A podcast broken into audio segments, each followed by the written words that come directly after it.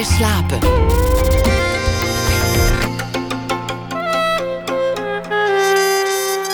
Met Wilfried de Jong. Welkom bij Nooit meer slapen. Wat doet succes eigenlijk met een muzikant? En wat als je arena's vol gillende fans gewend bent maar dat die roem plotseling ophoudt. Straks na half twee hoort u muzikanten Joshua Nolet, Anita Dot en Dennis van Leeuwen over roem. In de derde aflevering van de podcastserie, Podiumbeesten. En het komend uur zit tegenover mij dus tot een uur of half twee, zal maar zeggen, Esther van Venema.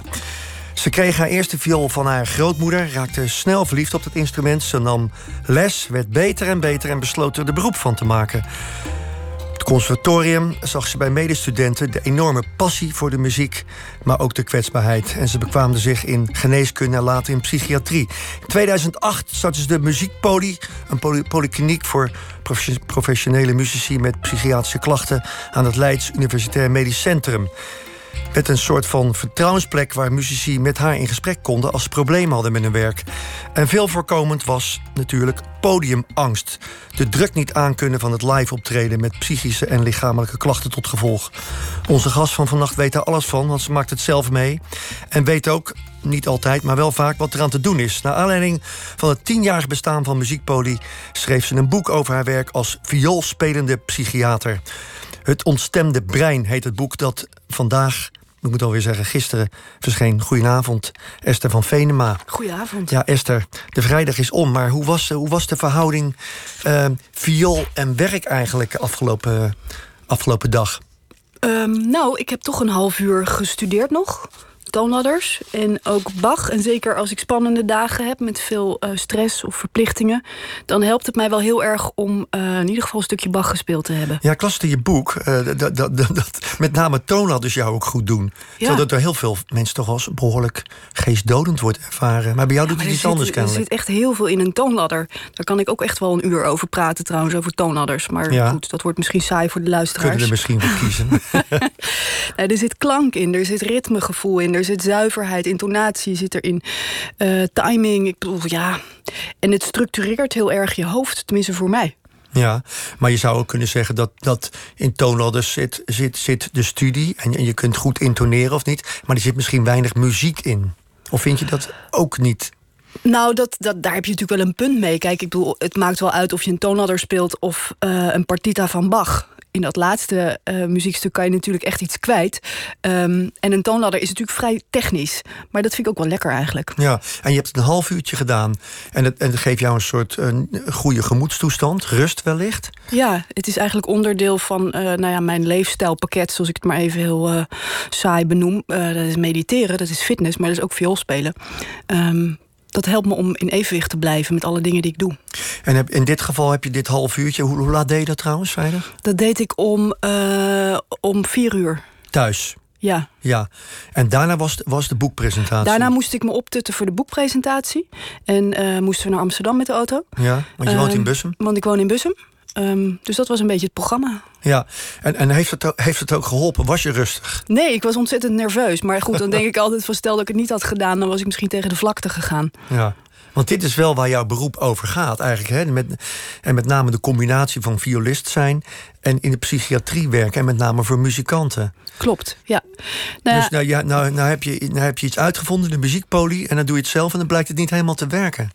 Nou ja, nogmaals, als ik het niet zou doen op de manier waarop ik het nu, nu doe... Dan, dan, dan was ik misschien niet eens gegaan of zo, vanuit paniek of angst. Nou, dat is een beetje overdreven. Maar, um, en ik denk ook dat het heel gezond en normaal is... dat je af en toe angst en spanning voelt... voor spannende dingen die je niet heel vaak doet. Het is toch nieuw voor je brein om dat mee te maken. Ja, als we nou eens die, de, de, de, heet het nou muziekpolie of de muziekpolie? Doe maar de muziekpolie. Dus net iets ja. fijner, hè? De, muziekpolie bestaat, ik ook wel goed. Bestaat nu tien jaar. Wat, wat is dat eigenlijk voor een ruimte waar, waar mensen uh, binnenkomen als ze aankloppen bij jou? Nou, ze melden zich bij de uh, afdeling psychiatrie, de polykliniek psychiatrie van het uh, Leids Universitair Medisch Centrum. En daar worden ze ontvangen door een secretaresse. En die zegt van nou, wie bent u en uh, voor wie komt u? En dan wordt iemand in de wachtkamer uh, geplaatst of die mag daar naartoe. En dan uh, roep ik mensen binnen in mijn spreekkamer. En mijn spreekkamer is toch wel een beetje een saaie ziekenhuiskamer. Ik heb wel een slinger opgehangen, een paar jaar geleden. Dus iedereen vraagt elke keer van ben je jarig? Ja.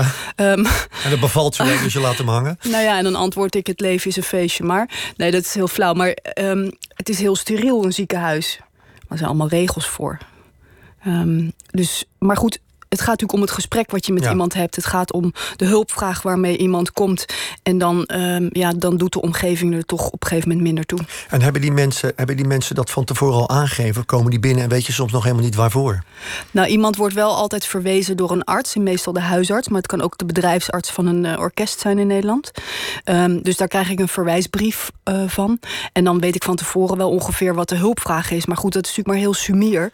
Um, en daar heb je ook wel echt een uur de tijd voor om dat met elkaar uit te diepen. Ja, en, en zij weten wel, ik ga naar de vioolspelende psychiater, flauwgesteld. Ja, ik denk dat dat wel uh, een, een, een, bekend gegeven is als mensen zich laten verwijzen naar mij. Want mensen vragen er ook vaak om om specifiek naar de muziekpolie verwezen te worden. Um, omdat ze die affiniteit met muziek uh, ja, toch wel heel fijn vinden. Uh, dat iemand begrijpt waar ze het over hebben. Iemand begrijpt wat een podium is uit eigen ervaring. Um, en dat je het beroep ook niet overschat, maar ook niet onderschat. Er zijn natuurlijk heel veel artsen die, uh, die misschien daar minder voeling mee hebben met het vak van podiumkunstenaar. En dan toch snel de neiging kunnen hebben van: nou ja, god Jezus, als dat zoveel spanning um, voor je oplevert, um, is het dan niet verstandig om een ander vak te kiezen. En als je zelf muzikus bent, dan weet je dat dat een vraag is die je bijna nooit mag stellen. Die doet, die doet pijn als ja, dat gezegd pijn. wordt. Ja, dat, dat voel je direct in je hart. Want, want uh, het, het is wie je bent muziek is wie je bent. Ja. ja. En dat klinkt natuurlijk heel. Uh... Is dat niet hetzelfde voor een uh, bankdirecteur?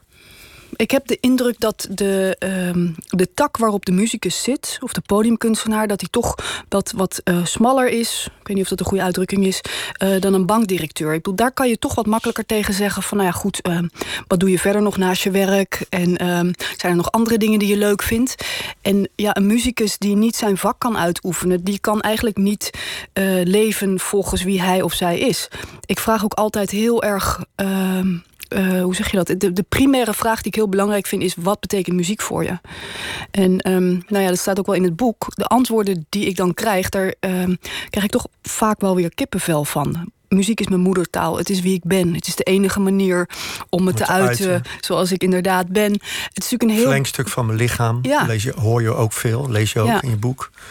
En als iemand dat vol overgave tegen je zegt, ja, dat is toch anders dan eh, de middelmanager van de Ahold groep, zeg Ja. maar. Maar goed, ze komen niet, ze komen niet om, om met jou te fantaseren over hoe fijn het beroep is, maar er is wat mis. Ja. Eh, Kom, kom je onmiddellijk ter zake? Als je een uur hebt, heb je meer tijd dan die acht minuten van een huisarts, zou ik maar zeggen.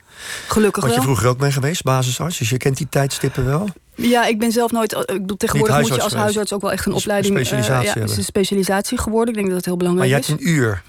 Begin je, ben, je, ben jij iemand die gelijk... eh, Nou, ik ben wel heel erg eh, to the point. Mhm. Kijk, ik zit daar niet als een gezellige mevrouw waarin je eh, in een uur je hart eens lekker kan luchten. Ik zit daar om eigenlijk met iemand samen tot de kern van het probleem te komen en zo snel mogelijk een oplossing. Omdat die mensen lijden met een lange eider echt vreselijk onder. ja. En ehm, ja, ik, ik denk dat elke minuut belangrijk is om zo snel mogelijk het probleem bloot te leggen. Haast chirurgisch, eh, zo wel te zeggen. En daar iets aan te doen. Ik, ik, ik heb vlak, vlak van tevoren denk ik, ik ga nog even een paar voorbeelden uit het boek opschrijven dat ik ze niet vergeet. Ik heb, mag jij kiezen? De, de operazanger met, met het seksprobleem, Rosanne met het auto-ongeluk of de bipolaire dirigent? Welk verhaal vertel je? Eh, ja, ze zijn allemaal heel erg bijzonder. en, eh, ehm, ik denk Rosanna met het auto-ongeluk. Omdat dat heel Die komt erg. binnen en wat vertelt ze? Dan, dan zie ik een jonge dame binnenkomen. ehm, die er verdrietig uitziet. En eh, ja, wat somber ook. En ehm, dan vraag ik eigenlijk van, nou ja, Rosanna, wat maakt dat je hier naartoe bent gekomen? Wat kan ik voor je betekenen? Wat, speelt, wat, wat, wat voor muzikant is Zij is celliste. Ja. Ehm, en het zijn iets gefingeerde voorbeelden, maar absoluut eh, vanuit de praktijk. Ehm, en dan zegt zij van, nou ja, ik, ik heb sinds eh, een half jaar vreselijk last van podiumangst. Ik had laatst een optreden met mijn kwartet. En eh, dat was een belangrijk concert. Maar ik was zo vreselijk bang dat ik tijdens de eerste helft voor de pauze... dat ik moest stoppen. Nou, en als je je realiseert wat het voor een muzikus is... muzikus is om te moeten stoppen tijdens een concert... Met Gaat- andere, andere muzikanten. met andere muzikanten die ook afhankelijk zijn van jou. Ik bedoel, het klinkt misschien heel raar, maar je gaat liever dood, bij wijze van spreken, dan dat je dat doet. Dus Rosanne zit tegenover me en die, zegt, uh, die vertelt dat verhaal. En ik voel de leidingsdruk direct ook in de kamer. En dan vraag ik, nou goed, een half jaar. Wat, wat is er dan gebeurd een half jaar geleden? Waarom een half jaar geleden is dat ontstaan? Want daarvoor ging het goed. En ze hebben de kwartetacademie gedaan. En allemaal succesvol. En iedereen uh, razend enthousiast. Mooie recensies. Uh, veel plezier. Ik, wel de normale spanning voordat je het podium op moet. Dat had ze wel, maar goed, dat hoort erbij. Um, maar na, dus een half jaar geleden is dat dan omgeslagen en is het eigenlijk echt invaliderende podiumangst geworden. En dan blijkt dat als je met haar terugkijkt van wat is het ontstaansmoment en wat is er gebeurd, dan heeft ze een half jaar geleden een uh, ongeluk gehad met haar fiets. Ze werd aangereden op een kruispunt na een concert. En, um, nou, door een auto. Door een auto. En um, bevond zich opeens in een levensbedreigende situatie. En het brein is natuurlijk een, um, een systeem wat eigenlijk gericht is op het overleven. Door op basis van eerdere informatie en prikkels vanuit de omgeving te voorspellen wat de toekomst zal zijn. Met het evolutionaire doel, zeg maar, om te voorkomen dat je door een tijger wordt opgegeten. En um, nou, tijgers hebben we niet zoveel meer in Nederland, althans niet loslopend. Um, maar goed, zo'n situatie die Rosanne dan meemaakt, die is natuurlijk levensbedreigend. En op dat moment van dat uh, bijna uh, fatale ongeluk heeft ze natuurlijk heel veel adrenaline. Uh, vechten, vluchten, bevriezen. Dat maak je aan, stresshormoon wordt direct ja. aangemaakt. Dus haar brein koppelt adrenaline vanaf dat moment niet meer aan... oh, leuk optreden, wel spannend, maar we gaan er iets moois van maken... maar met levensgevaar. Dus die is eigenlijk getraumatiseerd op dat moment. Mhm. Mm -hmm. Waardoor die koppelingen niet meer prettig uh, en, en uh, nou ja, positief zijn. Maar heel veel angst oproepen. Ja. Dat is natuurlijk logisch. En nou, het is, zoals je het vertelt, is het logisch. Maar ik kan me voorstellen, als je muzikant bent en je speelt dat dat niet je eerste gedachte is. Je denkt, ik ben vandaag niet goed. Of ik ben misschien niet goed gegeten. Of ik ben onzeker. Of ik, ik heb ruzie thuis, noem maar op. Ja. Maar dat je het niet een half jaar terug gaat naar het ongeluk. Nou kijk, ik, ik ben altijd... Um erg gespitst op van die hele duidelijke ontstaansmomenten. En het kan natuurlijk zijn dat er op dat moment extra veel stress in je leven is, omdat je partner vreemd gaat of omdat je kinderen op school problemen hebben. En als er dan zo'n incident gebeurt, dan heb je natuurlijk zo'n verhoogde arousal, stressniveau, dat het uh, erin brandt, zoals het in de oven kan inbranden als er vet lekt, zeg maar. Ja. Snap je? Dan, dan is het echt een heel uh, duidelijk signaal geworden. Maar um, ja, ik ben natuurlijk een breintechnicus. Dus ik ben natuurlijk getraind om op die manier te kijken hoe psychische fenomenen ontstaan. En het voelt natuurlijk voor mensen altijd heel erg magisch. Van opeens had ik een paniekaanval en opeens was ik somber. Maar het woord opeens bestaat bij jou niet. Nee, precies. Ik kijk natuurlijk naar patronen in dat brein. En ik kijk naar gebeurtenissen en de interactie. En um, ja, dat noem ik dat haast chirurgische misschien wel. Ja. En, en, en uh, Rosanne hoort dan vervolgens met jou opdenkend van... goh, het heeft dus met daarmee te maken. En wat dan? Nou ja, dan, dan bespreek ik met Rosanne inderdaad die uh, avond van dat ongeluk. En als het echt om een traumatische ervaring gaat, ja, dan komt iemand ook weer bijna in die situatie terecht als je maar genoeg in de buurt komt. Hè. Dus dan voel je eigenlijk het angstzweet weer. Uh, soms ruik je het ook bij mensen trouwens.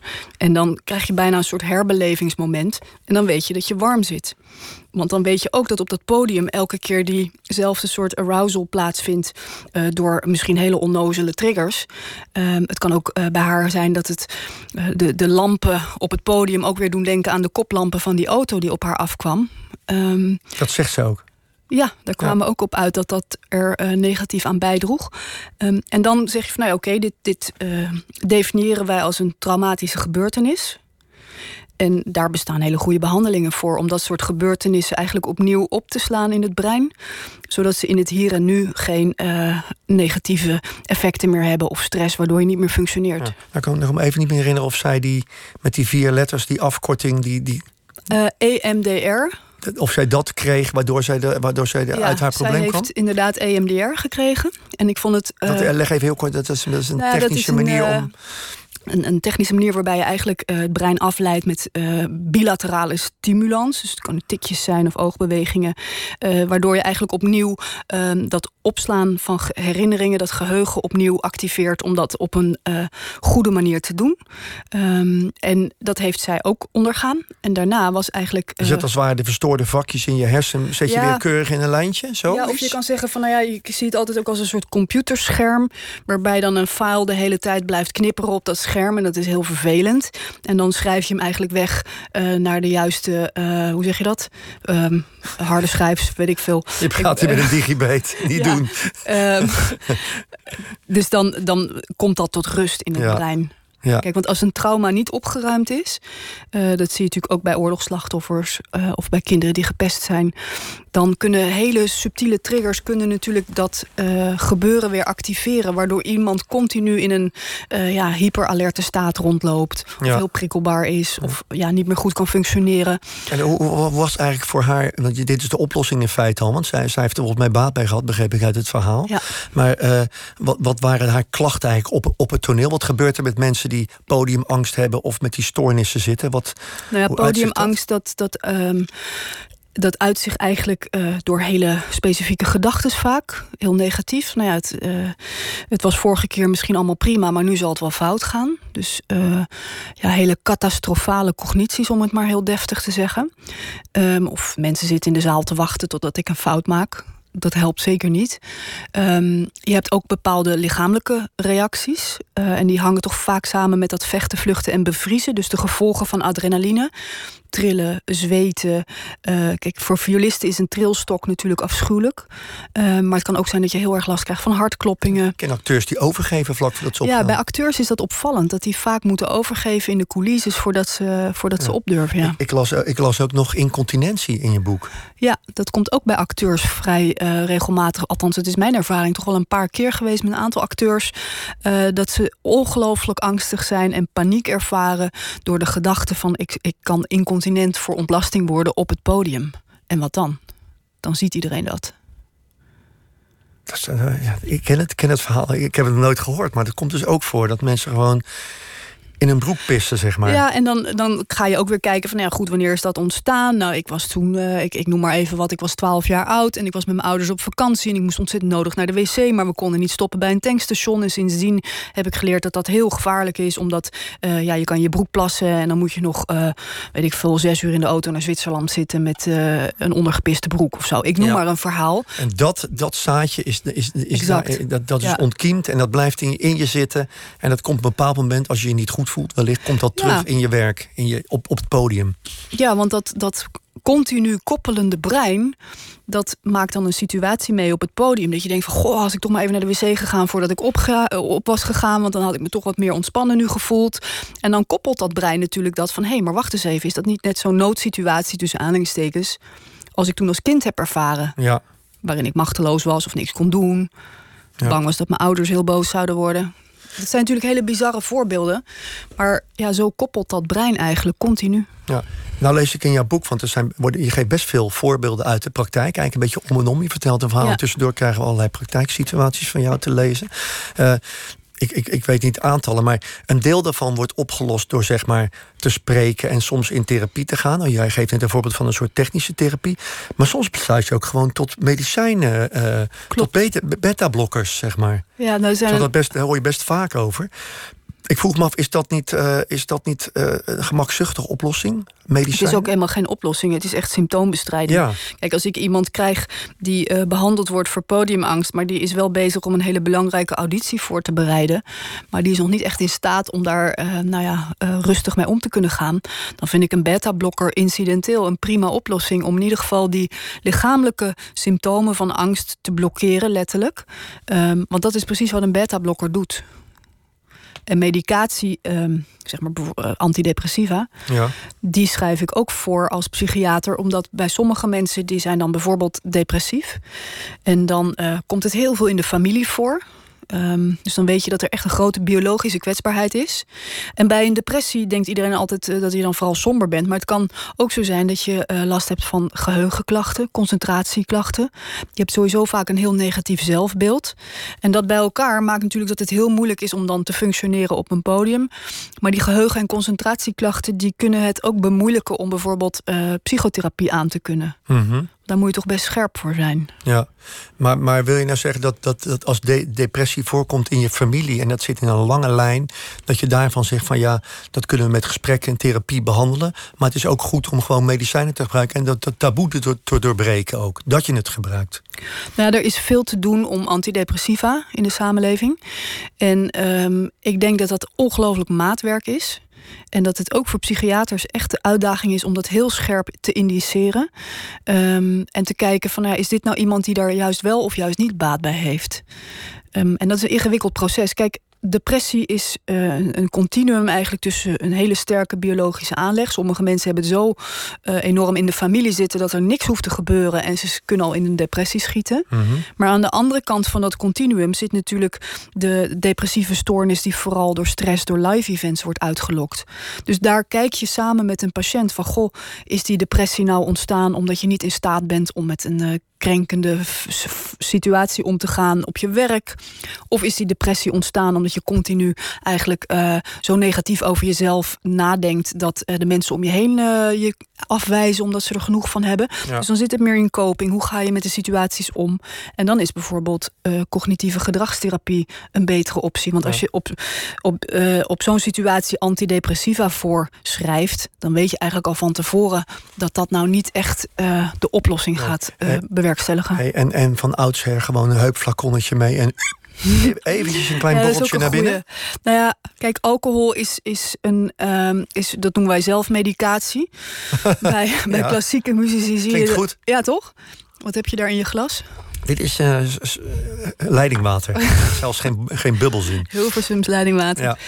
Nou ja, kijk, als je een klassiek muzikus bent, dan eh, zijn er allerlei nadelen, behalve die er voor iedereen zijn, van alcohol. Eh, alcohol op de langere termijn veroorzaakt somberheid en angstklachten. Dat is ook aangetoond. Dus het is maar van korte duur dat je daar eh, baat bij hebt. En ehm, de motoriek wordt natuurlijk ook aangetast. En als je dan als pianist of als violist je fijne motoriek heel hard nodig hebt, dan is alcohol wel, wel echt een heel slechte oplossing. Ik heb altijd de indruk dat, er een, dat, er, dat het een wankel evenwicht is. Ik, ik heb in mijn werk wel eens... Als ik, ik speel contrabas, gaan we verder niet over mijn werk. Maar ik heb wel eens gemerkt dat als ik zenuwen heb voor iets... presenteren of muziek maken of, of optreden op het toneel... dat heb ik eigenlijk nooit gedaan, toneel. Maar ik heb soms wel eens een biertje genomen bij muziek maken. Bij muziek maken vind ik best wel plezierig eigenlijk. Eén biertje op. Geen zeven, maar gewoon eentje. Ja, ik, ik, ik zie ook heel veel muzici die dat doen. En kijk, Tegenwoordig ben je overigens alcohol, eh, alcoholist, hè? Eén bier. ja, het is heel zeggen streng geworden. Ja. Ja, Ja, de schadelijke werking Maar van ga door. alcohol. Nou kijk, één biertje is natuurlijk eh, iets anders dan dat je jezelf. eh, er komt ook het voorbeeld van een dirigent die paniekaanvallen had. In het boek komt dat voorbeeld naar voren. Dat die had paniekaanvallen, dus die dempte zichzelf vo- volledig met alcohol voordat hij voor het orkest ging staan. Wat erop uitdraaide dat hij dronken voor dat orkest stond.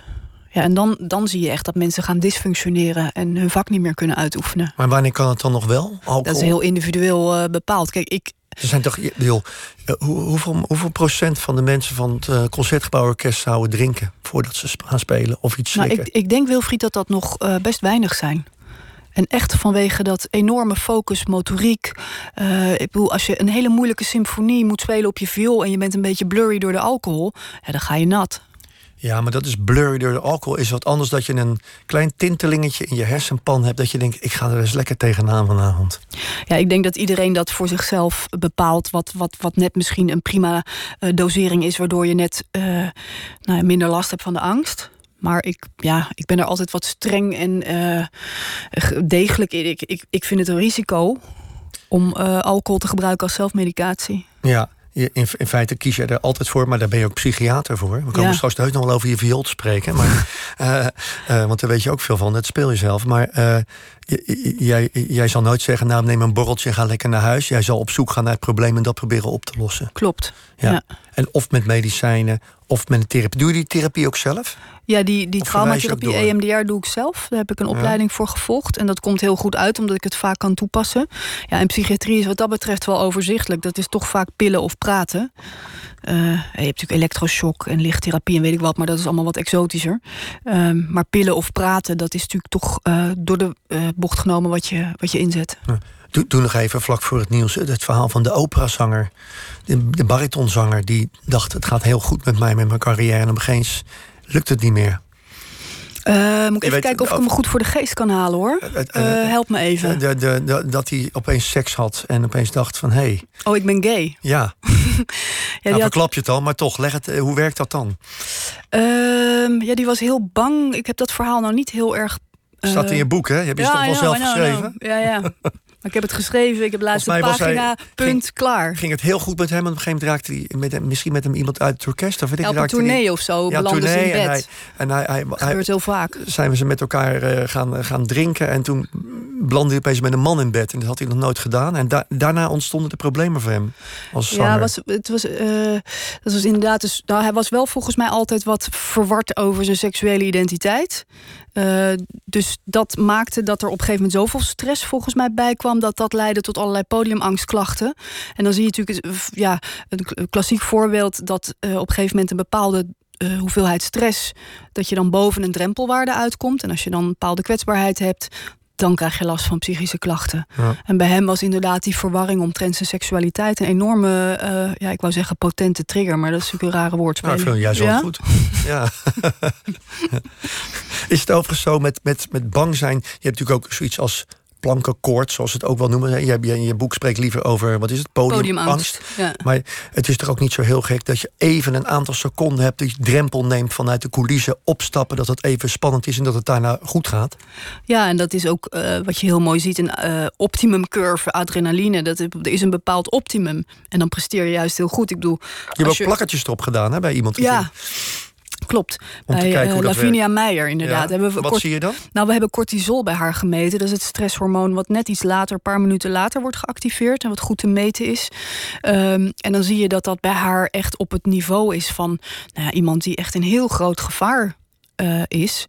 Wat ons leerde uh, dat er aanwijzingen zijn dat, dat dat echt presteren is op, op topniveau. Uh, en dan moet je natuurlijk behoorlijk stabiel zijn, want er kan je natuurlijk enorm uh, omdonderen in feite... als je die stress niet goed kan hanteren. Daar heb je natuurlijk allerlei cognitieve copingmechanismen voor. Zij ging dan bijvoorbeeld mediteren, volgens mij zoiets. Ja.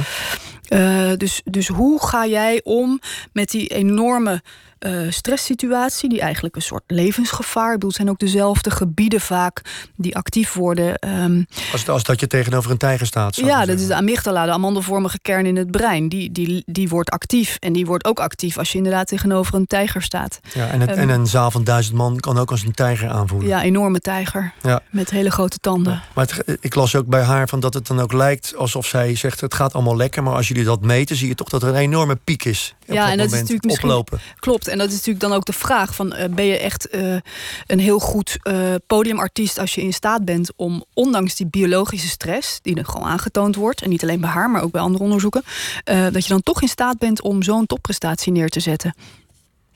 We praten straks door na het nieuws, want ik praat met Esther van Venema. En na half twee brengen we het derde en het laatste deel van de podcastserie Podiumbeesten.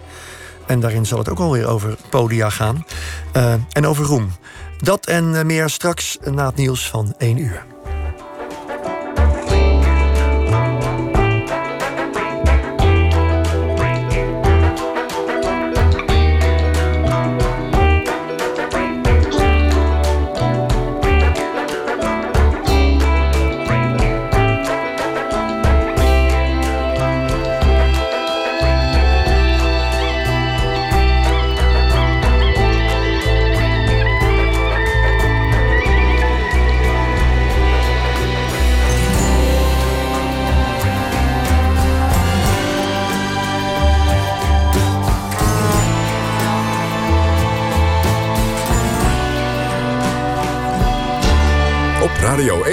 Het nieuws van alle kanten.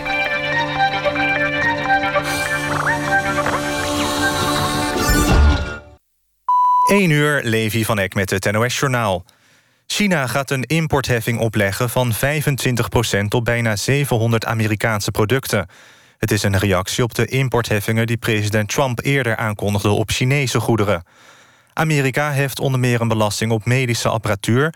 onderwijsmateriaal en spullen die gebruikt worden in de luchtvaart. China gaat extra belasting heffen op Amerikaanse vliegtuigen, auto's en sojabonen. De nieuwe belastingen van beide landen gaan op 6 juli in... en hebben een waarde van 34 miljard dollar. Uiteindelijk gaat dat oplopen tot 50 miljard, dollar. In Nepal is een 66-jarige Nederlander aangehouden voor kindermisbruik. Volgens de Nepalese politie is de man kinderpsychiater... en heeft hij een praktijk in Friesland. De man kwam vaker in Nepal en onderzoekers van een hulporganisatie... kregen het vermoeden dat hij er seks had met kinderen. De politie hield hem daarom in de gaten en pakte hem gisteren op. De Nederlander zou op een hotelkamer in Kathmandu zijn betrapt met een jongen van 15. In Friesland is zijn huis doorzocht en apparatuur in beslag genomen. Op Schiphol is voor de vijfde keer dit jaar een jihadverdachte aangehouden. De man van 30 heeft waarschijnlijk gevochten in Syrië... en wordt verdacht van deelname aan een terroristische organisatie. Hij zou in de zomer van 2013 vanuit Amsterdam zijn vertrokken. Vorige maand meldde hij zich bij de Nederlandse ambassade in Turkije. Hij zit voorlopig vast. De hardloopschoenen waarop Usain Bolt in 2012 de Olympische 100 meter sprint won... zijn gestolen. De rood-wit-blauwe schoenen waren gesigneerd door Bolt... en zijn meegenomen bij een inbraak in het huis van een Britse verzamelaar. Er is een verdachte opgepakt, een zwerver... die wordt verdacht van meer woninginbraken. Maar de politie heeft nog geen idee waar de spikes zijn. Het weer, het is wisselend bewolkt en soms wat opklaringen. De temperatuur ligt vannacht rond de 13 graden. De komende dag wisselen wolken en zon elkaar af... en wordt het 18 tot 23 graden. Tot zover het NOS-journaal. AWB Verkeersinformatie met vier files. Op de A4 Den Haag richting Amsterdam... tussen knooppunt Prins Klausplein en Dorp 4 kilometer. De vertraging is daar 8 minuten. De A4 Amsterdam richting Den Haag... tussen Dorp en Leidsendam 6 kilometer. De vertraging is daar 15 minuten... De A16 Rotterdam richting Breda tussen knooppunt Ridderkerk en Dordrecht Centrum. 3 kilometer, de vertraging is daar 4 minuten. En tot slot de A76 Heerling richting Geleen. Tussen Voerendaal en Spouwbeek, uh, eh, 7 kilometer, de vertraging is daar 24 minuten. En dit was de verkeersinformatie. NPO Radio 1. VPRO. Nooit meer slapen.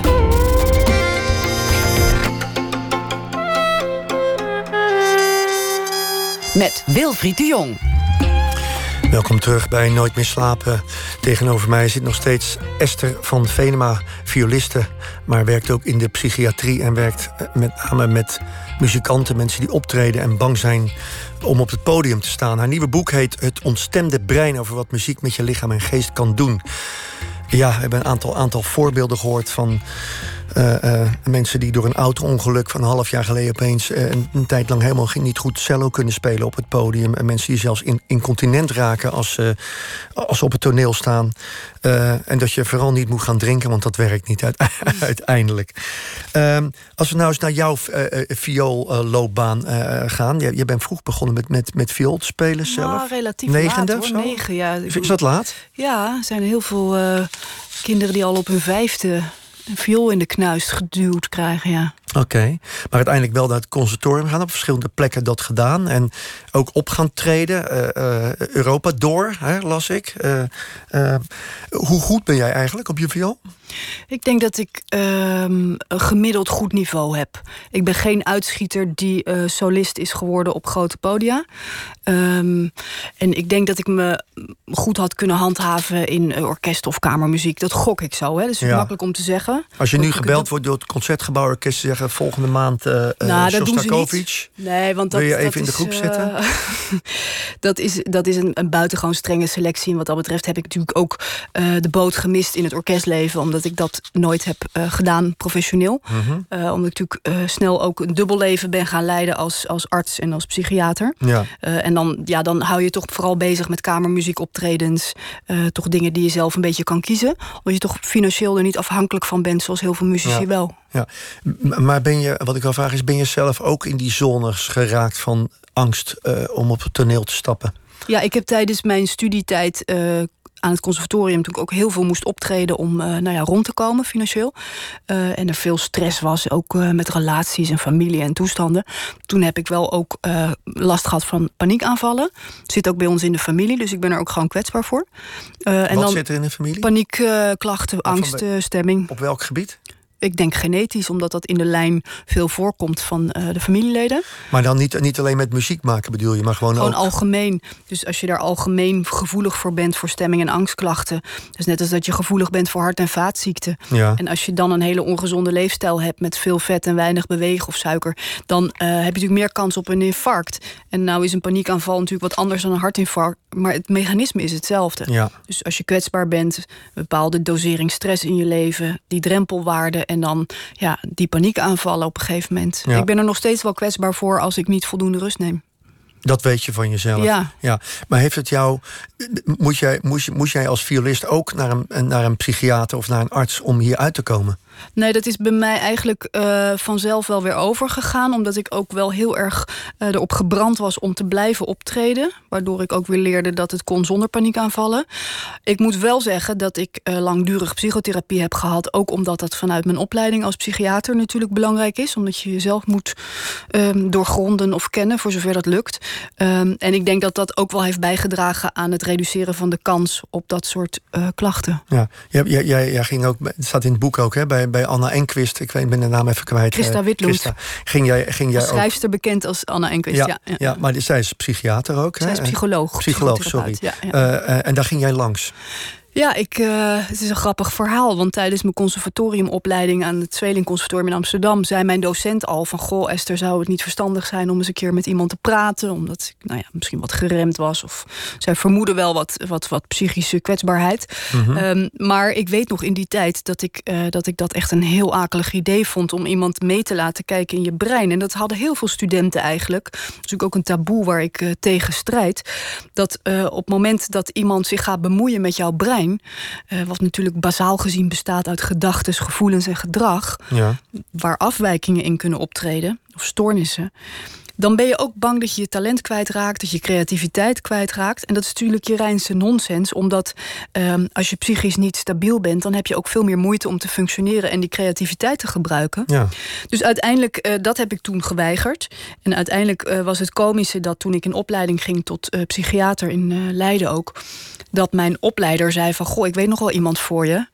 Die is ook muzikus en ook psychotherapeut. Uh, Christa Witlund. Toen dacht ik, oh, nou ja, nu kom ik er niet meer onderuit. Dus, en ik denk dat dat een hele belangrijke uh, therapie is geweest voor mij... om, nou ja, wat helderder blik op de weg te krijgen. Ja, want wat haalde zij uit jou, waar jij gemankeerd in was? Nou ja, zij heeft mij wel geholpen om op een andere manier naar mezelf te kijken dan ik met mijn opvoeding heb meegekregen. Mijn opvoeding was erg gericht op presteren. Uh, als ik het heel kort door de bocht schets, uh, we vinden je pas leuk als je hele bijzondere prestaties neerzet. Dat heeft ook voordelen, want dat is natuurlijk uitdagend. Ja. Uh, maar als je dat dan doet en je zit thuis in je eentje op de bank en je denkt, ja goed, nou ja, ik heb dat allemaal wel geflikt, maar ik voel me nog steeds nogal somber en ongelukkig um, en negatief over mezelf. Dan is het toch wel prettig als je leert dat het ook oké okay is wie je bent, als er niet allerlei prestaties aan, aan vastzitten. Ja. maar is dat dan jouw weak spot? Zeg maar. Het, dat je vanuit je opvoeding hebt meegekregen... je moet perfect zijn, je moet heel hard werken... en dan kom je ergens. Dat, dat je daar altijd nog tegenaan loopt? Nou ja, het blijft inderdaad een kwetsbaar punt. Um, ik zie er ook de voordelen van. Nogmaals, omdat het heel erg stimulerend is. Mm -hmm. um, maar het is ook een kwetsbaarheid. Want als je dan een keer niet in staat bent om perfect te functioneren... of in het boek schrijf ik ook dat die narcistische uh, trekken... waar je dan toch, uh, nou ja... Die dicht je jezelf toe, hè, het boek? Ja, ik heb ook wel eens van die testjes ingevuld... en daar kwam het ook echt na drie keer nog steeds heel erg uit... omdat ik het eerst niet geloofde, maar was wel zo.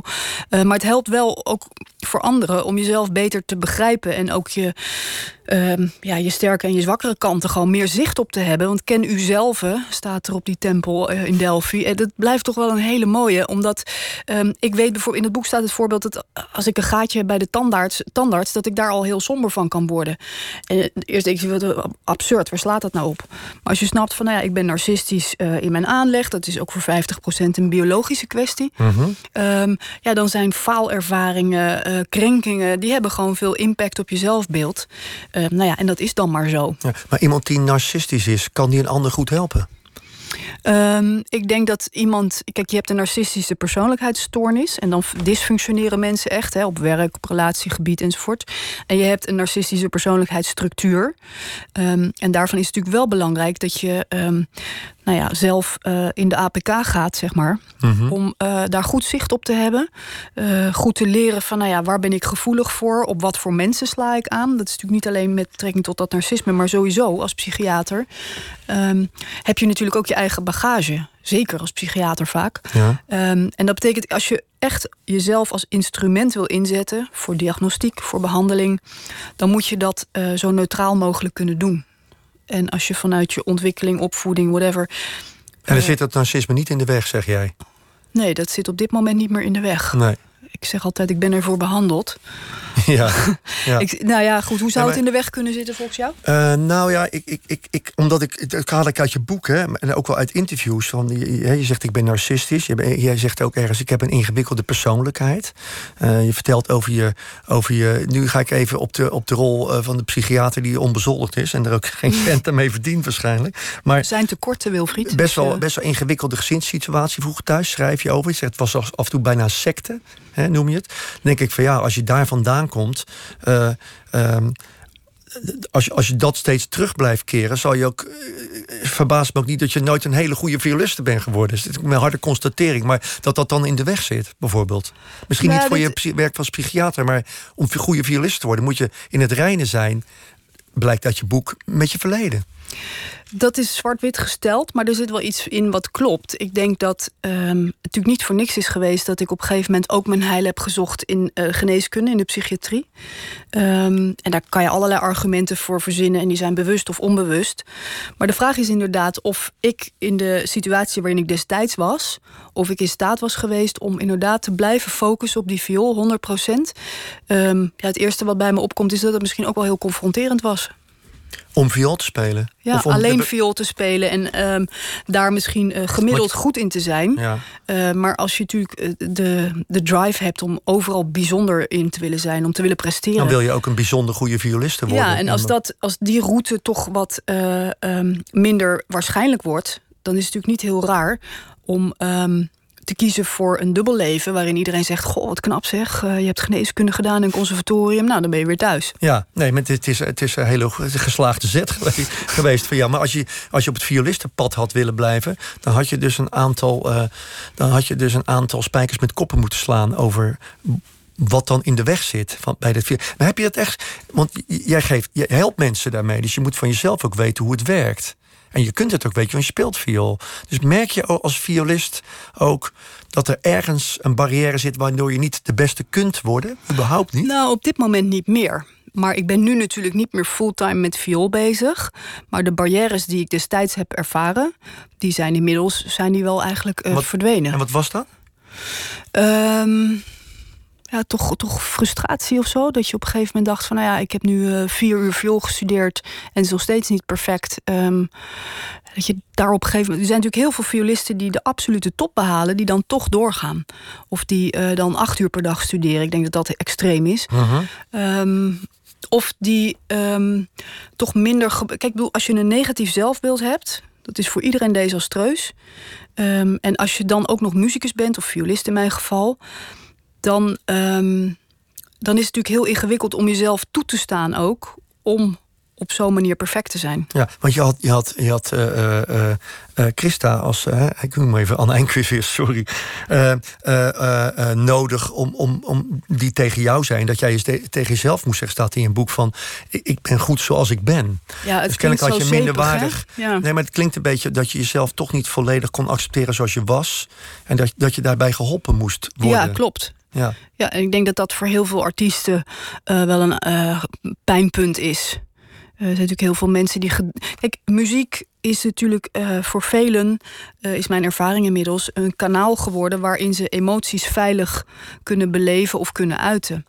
En waarom? Omdat het toch in heel veel van die uh, geschiedenis, in die verhalen, blijkt dat die jeugd niet zo veilig was. Mhm. En een onveilige hechting of jeugd, of hoe je het ook wil noemen, zeker als het gaat over emoties, en zeker als het gaat over negatieve emoties, heel concreet. Uh, mag je verdrietig zijn zonder dat je moeder daar uh, heel erg teleurgesteld over is? Mag je boos zijn zonder dat je moeder daar, uh, daardoor drie dagen niet met je praat? Praat, praat je nu indirect over je eigen verleden? Nou, dat, dat thema woede is wel een. Wel een Want?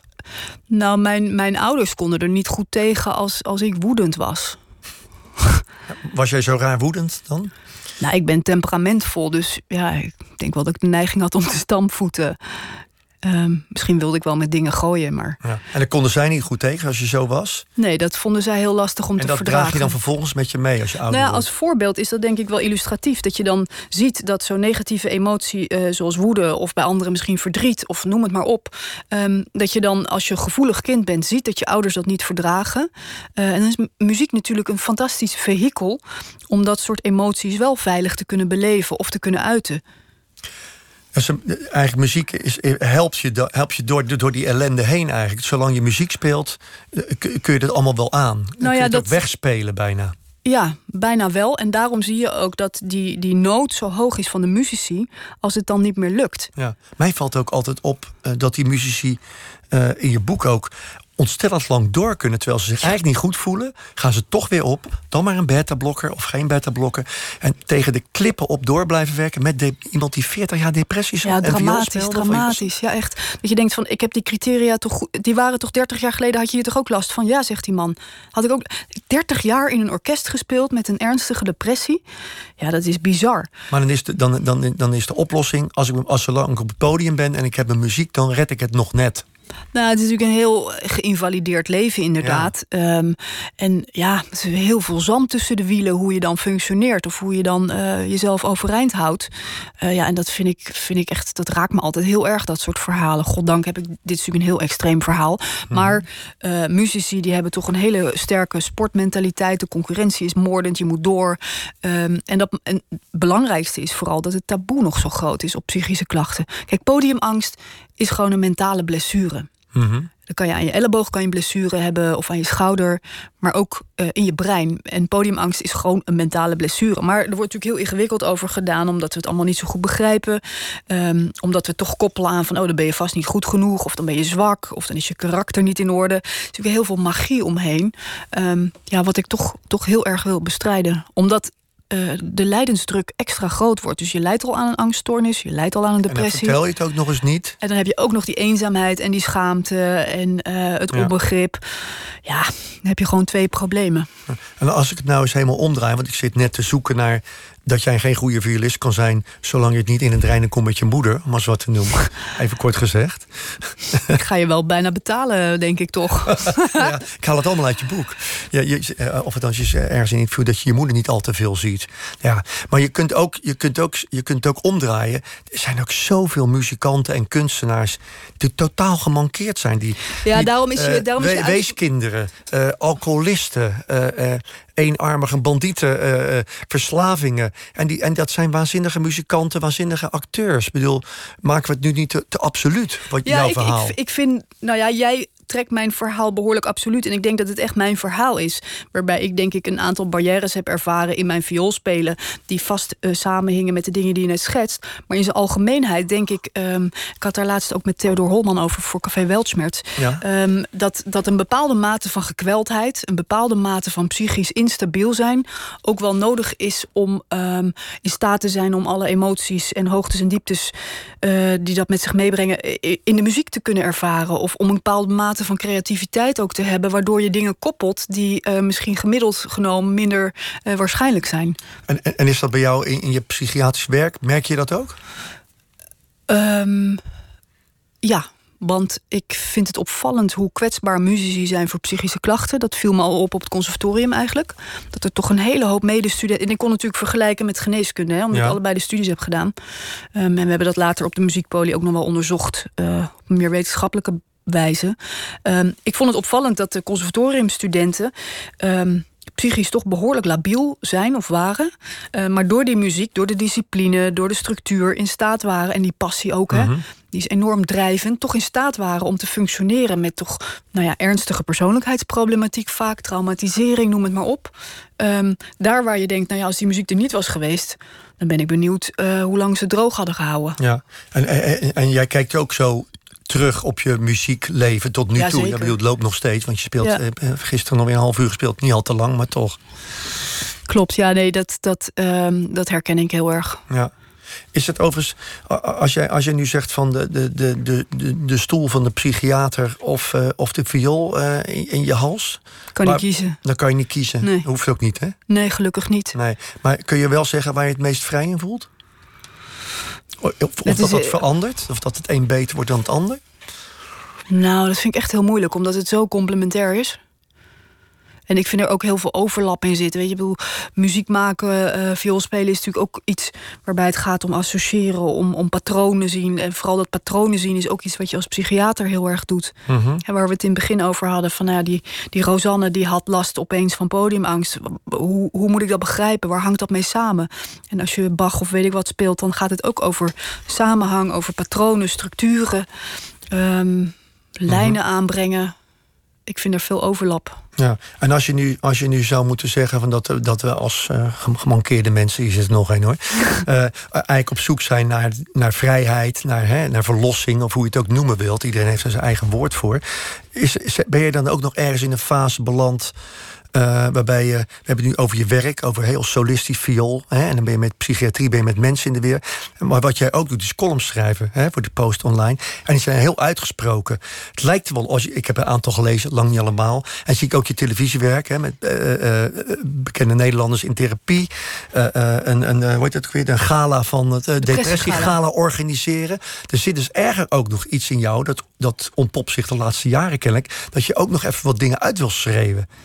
Ja, klopt. Leg ik dat goed uit? Ja, ik denk dat je dat goed uitlegt. En um, um, ja, ik, ik, dat is een bepaalde Wat is dat dan? bepaalde noodzaak, noodzakelijkheid. Ja, maar uh, praat er eens, denk er eens over na wat dat dan is. Dat dat, dat, dat zo nu komt zo. Dat, wat is nou ja, wat ik denk dat je karakter dan?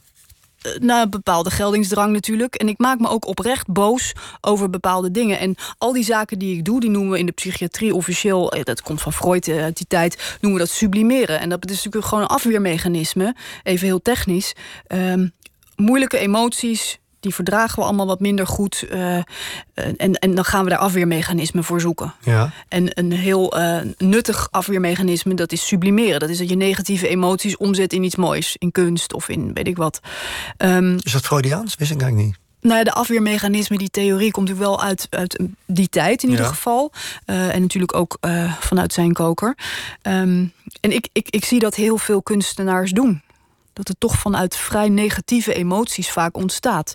En ik denk ook uh, dat we langzamerhand in de samenleving zijn beland... waarbij negatieve emoties ook een soort taboe geworden zijn. Terwijl ik denk, ik, uh, ja, ik, hou van die zwarte kant van het leven. Ik hou van dat gekweld zijn. Ik vind dat mooi, ik vind dat een, een evenwicht creëren. En als je tegenwoordig, nou ja, dat is natuurlijk ook wel de invloed van social media... zonder dat ik dat nou wil gaan uh, demoniseren, maar dat is natuurlijk allemaal de buitenkant. Die is vrolijk, die is perfect. Mm -hmm. En ik zie natuurlijk die andere kant in mijn spreekkamer. Want de mensen komen niet bij mij om te vertellen hoe leuk ze zijn en hoe bijzonder ze zijn. Uh, ze laten mij zien wat er echt speelt. Ja. De realiteit. Um, en die is niet altijd leuk of bijzonder enzovoort. Dus ik, ik, ik denk jij dat... vindt de wereld eigenlijk te quasi vrolijk of te optimistisch. En jij zegt, uh, dat is er liever mijn zwart aan toe. En mijn grijs, mijn donkergrijs. Nou, ik, ik ben altijd erg gecharmeerd geweest van Ischa Meijer. En ik, ik, dat is ook iemand die dat gekwelde, dat, dat cynische, dat zwarte zo mooi kon neerzetten. Ook wel, ook wel uitzonderlijk vrolijk trouwens hoor. Combinatie. Maar goed, die, die, die twee kanten. Ja, Mag ja. dat? Nou ja, vraag je dat aan mij? Dat nee, heel retorisch geen- algemeen. Ja, nee, maar je hebt er kennelijk behoefte aan om de, om de zwarte kleuren toe te voegen. Uh, Nou, ik denk dat dat gewoon meer stabiliteit geeft. Ik denk dat dat minder stress veroorzaakt. Dat je niet aan het perfecte. Wat is in godsnaam dat perfecte plaatje waar iedereen Ja. het maar over heeft? ja. Maar heb, jij, heb jij daar persoon, want eh, eh, voor de maatschappij begrijp ik wat je bedoelt. Maar heb je daar persoonlijk ook te veel aan moeten voldoen, denk je?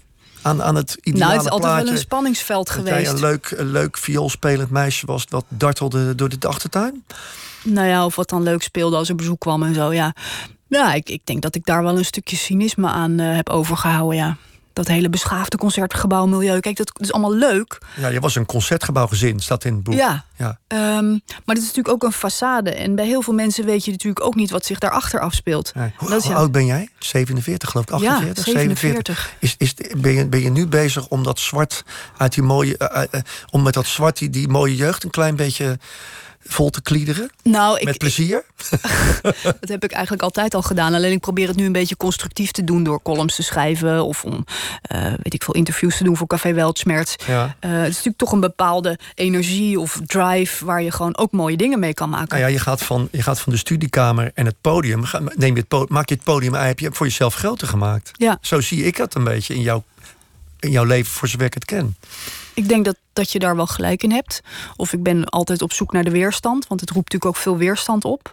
En als ik dan heel eerlijk ben en ik kijk naar mezelf... dan denk ik, waarom heb je dat nodig? Waarom doe je dat eigenlijk? Um, en ik heb Wat ook is wel, je antwoord? Nou, dat ik ook wel afspraken met mezelf heb. Dat ik het alleen mag doen als ik denk dat de wereld daar uh, ietsje beter van wordt dat is pretentieus, maar goed, iets is, kan al een heel klein beetje zijn. Mhm. Dus zo'n programma BN'ers in therapie, waarom doe ik dat? Is dat om mijn narcisme weer te strelen? Dat ik weer uh, iets bijzonders kan doen? Dat de mensen kunnen zeggen, goh, wat bijzonder. Dat mag een beetje meespelen. Waarom niet? Alle televisiemakers zijn ijdel. Ja, of narcistisch, of hoe je het wil noemen. Maar het moet ook wel bijdragen. En voor mij is dat programma een, uh, een belangrijk vehikel om te laten zien hoe praat je over over wat er tussen je oren gebeurt. Ja. En BN'ers zijn gewoon mensen. Uh, en die praten over thema's die iedereen bezighoudt. Over machteloosheid, over moeder-dochterverhoudingen. Ja. Um, hoe ga je om met, met uh, heftige gebeurtenissen? Je wil eigenlijk aan de wereld laten zien met die serie... maar best ook wel een nodig kritiek op was. En misschien ja. terecht, misschien niet. Maar laten zien van bespreek je problemen. Kom er maar voor uit. Meer dan dat je daar de perfecte psychiater was wellicht. Ja, ik denk dat dat heel belangrijk Ik weet ook niet wat de perfecte psychiater trouwens is. Um, maar ik denk dat dat een hele belangrijke missie is. Um, want ik, ik word er soms wel eens een beetje moe van dat de mensen bij mij in de spreekkamer komen en zeggen: Oh, eindelijk kan ik eens een keer praten over. Nou, en dan komen er hele banale zaken waarvan ik denk mm -hmm. dat had je ook gewoon thuis kunnen bespreken. Waarom kan dat niet? Uh, is dat allemaal zo taboe? Um, dus ik, ja, en misschien ook, maar dat is dan wat, wat meer filosoferend, dat we in een samenleving terecht zijn gekomen waarbij je niet meer de kerk hebt of bepaalde gezins- of familiestructuren waar je wat makkelijker met elkaar communiceerde, ook over dingen die misschien minder leuk waren. Mm -hmm. Dus de vraag is of je dat nu allemaal moet professionaliseren. Ja. Moeten er nou echt nog meer psychologen, psychiaters komen? Of moeten we weer met elkaar leren praten over dingen die moeilijk zijn? Zoals Dirk de Wachter dat zo mooi zegt. Het is in de miserie dat we de verbinding vinden met elkaar. Je hebt wel een mooi einde gemaakt aan de uitzendingen.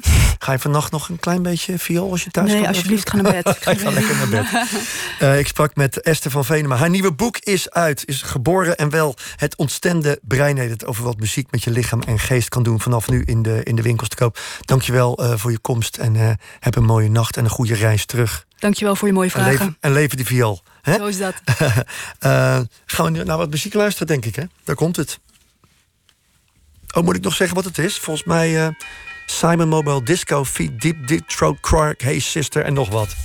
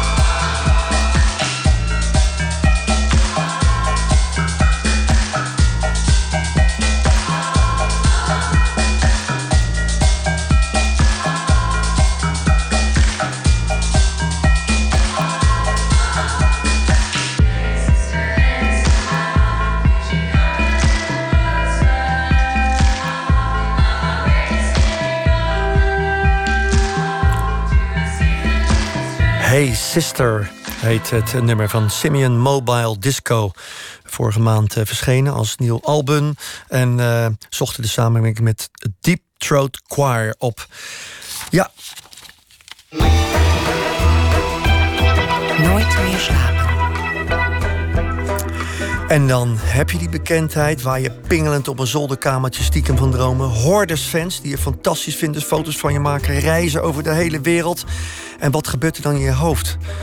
als muzikant die beroemd is geworden? En wat gebeurt er als die roem ophoudt? Hierover vertellen X2 Unlimited zangeres Anita Dot, Joshua Nolet, frontman van Chef Special, Dennis van Leeuwen, oud-gitarist van Kane en nu bandmanager, en de mannen van Saint-Tropez, die hun vorige band Go Back to the Zoo van de ene op de andere dag de nek omdraaiden. De podiumlichten gaan aan. Een zaal vol met publiek, recensenten en verwachtingen wacht op je.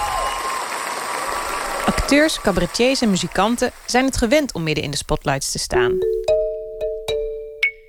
Maar eigenlijk is het een raar beroep. Bekeken worden door al die mensen die ergens op hopen, iets van je vinden, die je een beetje denken te kennen. In de podcastserie Podiumbeesten zoomen we in op de mensen op het podium. Hoe is het om daar te staan?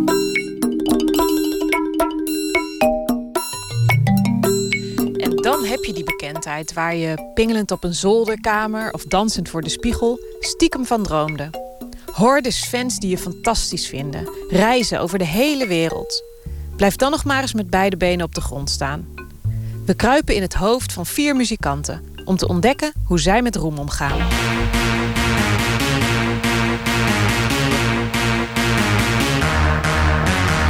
Anita Dot reisde samen met Ray Slijngaard de wereld over als Tour Limited. Als klein meisje wist ze het al. Ik wil beroemd worden. Dat was echt helemaal mijn droom. En ik, uh, ik wist het eigenlijk soort van gewoon zeker. Ik ga later beroemd worden. Ja, echt heel raar. Maar uh, dat had ik wel, ja. En het erge is dat ik het zo diep in mijn hoofd had geprent... dat ik gewoon op de middelbare school ook echt niks uitvrat omdat ik zoiets had van, ja, why? Waarom, waarom dit allemaal? Ik ga toch beroemd worden later. Ja, stom hè? Dennis van Leeuwen was oprichter en gitarist van de band Kane. Toen hij voor het eerst een gitaar in handen kreeg, had hij kunnen bedenken dat hij zo bekend zou worden? Het alle, allereerlijkste antwoord is ja. ja, dat is echt. Ik, ik, toen, ik een, uh, toen ik 14 was, een gitaar kreeg van een oom van mij. Uh, stond die gitaar eigenlijk, denk ik, een maandje of twee in mijn kamer. Uh, want ik kon niet spelen, maar ik had wel die gitaar. En toen heb ik die gitaar omgehangen. Nog zonder band, gewoon met een touwtje had ik gemaakt. En ik omgehangen ben voor de spiegel gaan staan. En ik dacht, mm, I can do this, zeg maar. Dus ik stond gewoon een beetje soort van te staan met die gitaar in mijn hand. En toen dacht ik van, dit is volgens mij zonder een noot te kunnen spelen is dat. Hè? Dus het is best wel een raar moment. Maar je houdt dat ding gewoon vast. En toen voelde dat gewoon heel erg als iets wat ik wel... Uh... En als je dan je ogen dicht doet en dat stadion erbij denkt... dan was de motivatie gelijk uh, gedefinieerd. From the day that I met you, I stopped feeling afraid. In your arms I feel safe. Joshua Nolet is frontman van Chef Special. Hij begon op de koorschool en stapte als puber over op rap. Toen ik voor het eerst echt op een open podium op, in, in een brugklas... Uh, ja, voor, voor een groep mensen mijn raps uh, ging spitten, zoals dat uh, heet. Toen dacht ik, ja, fuck, dit is, dit, dit is... Wat is er gaver dan dit? Ik heb dit zelf gemaakt... En ik kan dit op deze manier delen met mensen en mensen reageren daarop. Uh, dat vond ik een, uh, een magisch uh, moment. En toen was het eigenlijk heel duidelijk. Oké, okay, dit is wat ik ga doen. En was het toen ook direct het plan... ik wil je beroemd mee worden? ja, sure. Want beroemd zijn equals de, de mogelijkheid om, om het te doen. En een soort van succes. het is een soort fantasiedroom, dat hele beroemd zijn. Maar eigenlijk, als je echt naar binnen kijkt, dan is het omdat je het zo gaaf vindt om het te maken. En om dat te delen met mensen. En dat is iets wat je nog wel eens along the way kan vergeten. Omdat beroemd zijn en al dat ge-ego-streel en al die externe bevestigingen, liefde natuurlijk heel lekker. Uh, dat, zijn, ja, dat, dat voelt heel lekker, maar dat is heel kort. Dus je moet altijd weer, oké wacht, wat was ook weer de long game hier? Dat was, oh ja, ik word heel gelukkig van dit maken en dit delen. Niet iedereen is bestand tegen de druk die roem met zich meebrengt, denkt Dennis van Leeuwen. Ik vergelijk het heel vaak met sport. Misschien is het een beetje een dooddoener, maar je moet op de Olympische Spelen in de finale, je moet hem wel even inschieten. En dat is precies wat een, wat een ster een ster maakt. Of een, een, een ja, grote, grote artiest een grote artiest. Dat je het ook doet op het moment dat het vereist is. Dat, dat vind ik een heel mooi, mooi principe. Daar kan je mensen ook op, op, op beoordelen van tevoren. Van, is dat nou iemand die het gaat doen als het echt moeilijk wordt? En, en, heftig en zwaar? Of is het dan iemand die crusht onder die, onder die druk? Op het hoogtepunt van Kane werd ik echt herkend op straat... en uh, wilde mensen een handtekening en een foto. Nou, prima, dat vond ik helemaal niet erg. Uh, als je dat iedere dag hebt... en je moet iedere dag moet je met een zonnebril over straatje... Dat, dat gevoel heb ik nooit echt gehad. Dus, dus ik weet dat eigenlijk niet. Ik kan me erbij voorstellen dat dat heel vervelend is. Maar, want ik denk dat Dinant dat wel had. had, had hij het daar, hadden jullie het daar dan over? Vond hij dat vervelend? Ja, dat is op sommige momenten in je leven... kan dat heel vervelend zijn als, als er dingen gebeuren... Waar, waar, waar, je eigenlijk geen zin hebt om met andere mensen te praten. In zijn geval als een vrouw overleed. Ja, dan, dan is dat natuurlijk vreselijk. Maar dan gingen we ook weg. Dan zorgde je dat je dat, uh, dat, je dat kon vermijden? Nou, dan gingen we gewoon naar, naar een ander land. De vader van Joshua Nolet was bang dat hij niet geschikt zou zijn voor het artiestenbestaan. Hij zei: Het is een wereld die veel draait om ego. En, um, en dat vond hij gevaarlijk voor mij. Hij, um, hij zei van ja. Hij, hij, hij, hamerde altijd heel erg op authenticiteit. Joshua, authenticiteit, dat is het allerbelangrijkste wat je hebt. En dat moet je in stand houden. En als je die wereld in gaat, dan blijft daar helemaal geen reet meer van over. Want dan ga je iedereen maar proberen te pleasen. Want jij bent een pleaser. En dat is misschien ook wel een beetje zo, maar. Um, uh, het is me aardig gelukt, vind ik. En ik ben wel blij dat hij dat tegen me gezegd heeft, want ik ben me er daardoor wel bewust van geweest. Niet toen, niet toen ik 16 was en hij zei dat tegen mij, maar met terugwerkende kracht. Ja, hij was daar bang voor. Maar vlak voor zijn dood heeft hij wel uh, nog onze rise kunnen meemaken. En uh, heeft hij ons bij shows gezien. En toen dacht hij, oké. Nee, toen werd, hij, toen werd hij ook echt een fan van ons. En uh, dat vond ik wel fijn dat ik dat nog even heb mee kunnen pikken. Toch voelde hij direct na zijn eerste optreden op Lowlands in 2011... wat de impact kan zijn van een tent vol juichende mensen.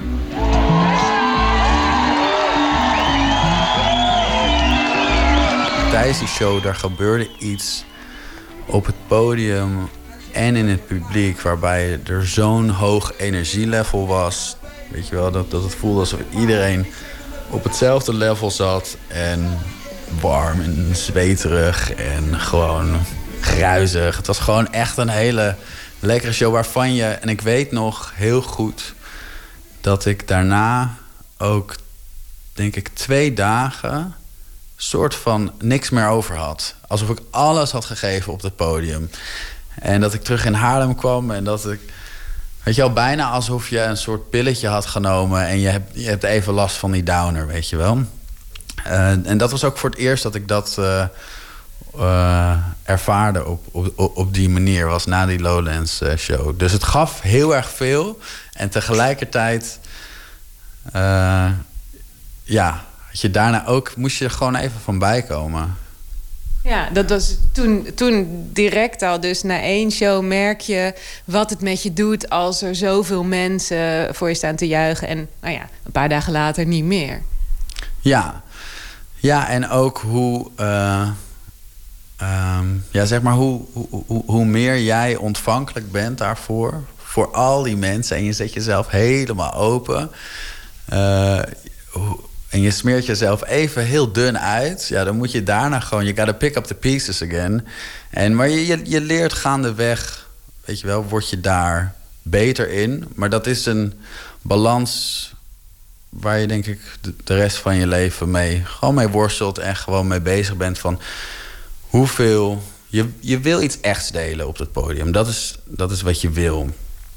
Maar je wil niet afhankelijk zijn van alle uh, ja, alle externe aandacht die je krijgt eigenlijk. En dat is een soort van balans die, ja, die je moet vinden. Y'all ready for this?